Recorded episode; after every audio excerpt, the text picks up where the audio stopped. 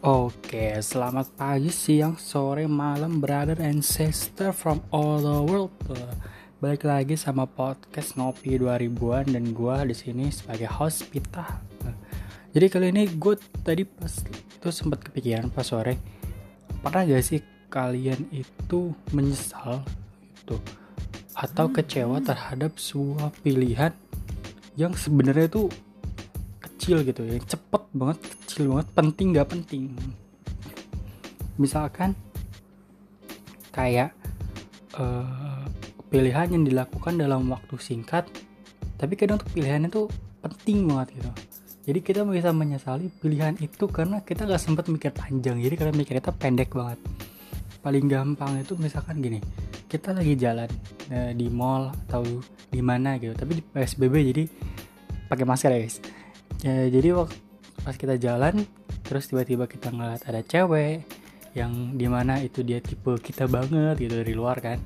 Terus saat itu tuh kita diberikan dua pilihan dalam waktu singkat. Kita bukan papasan nih. Jadi pilihan pertama adalah kita ajak kenalan dan pilihan kedua adalah kita lewatin aja. Dan akhirnya kita nggak kenal sama dia sama sekali.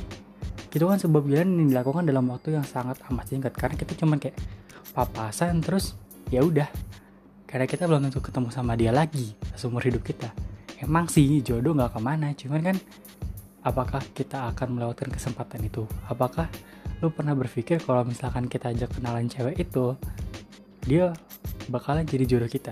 Kan kita nggak tahu gitu kan masalah jodoh menjodoh gitu. Itu paling gampang kayak sebenarnya banyak banget pilihan yang kita buat dalam waktu singkat tapi ternyata pilihan itu penting gak penting dan pada akhirnya kita bisa merasa kecewa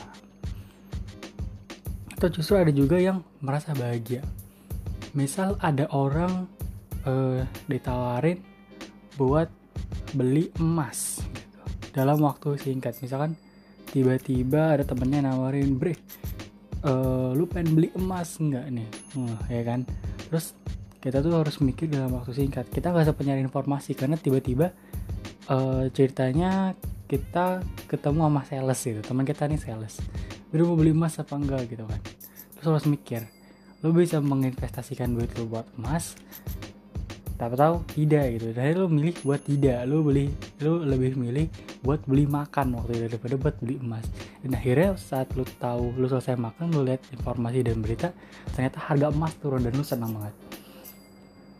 Jadi sebenarnya banyak banget kayak gue bilang tadi keputusan yang sebenarnya dilakuin dan kita harus ambil dalam waktu yang amat sangat singkat dan cepat.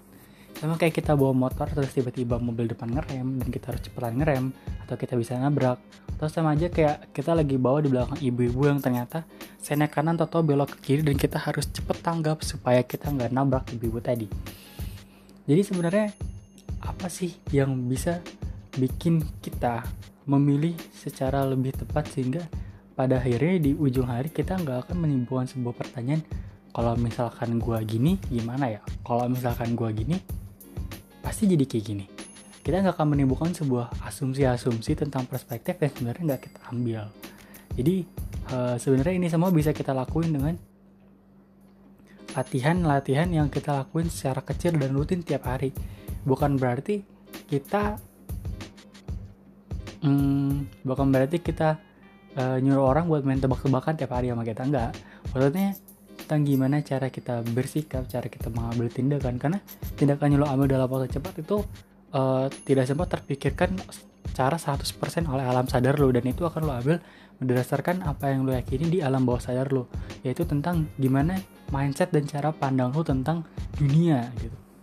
Misalkan kayak tadi kalau lo berpikir bahwa tenang aja jodoh tuh gak akan ke mana-mana jadi lu gak akan ngambil kesempatan itu. Tapi kalau lu pikir kita nggak akan tahu sebelum kita nyoba lu bakal coba buat ngambil kesempatan itu. Karena toh tidak ada salahnya dari mencoba. Jadi mindset dan pikiran ini adalah sesuatu yang pada akhirnya menciptakan sebuah daya pikir dan kecepatan pengambilan keputusan yang pada akhirnya kita bakal tahu akan kita sesalin atau enggak gitu. Oke, cukup sekian aja podcast kali ini. Makasih banyak udah dengerin. Thank you so much. Bye bye.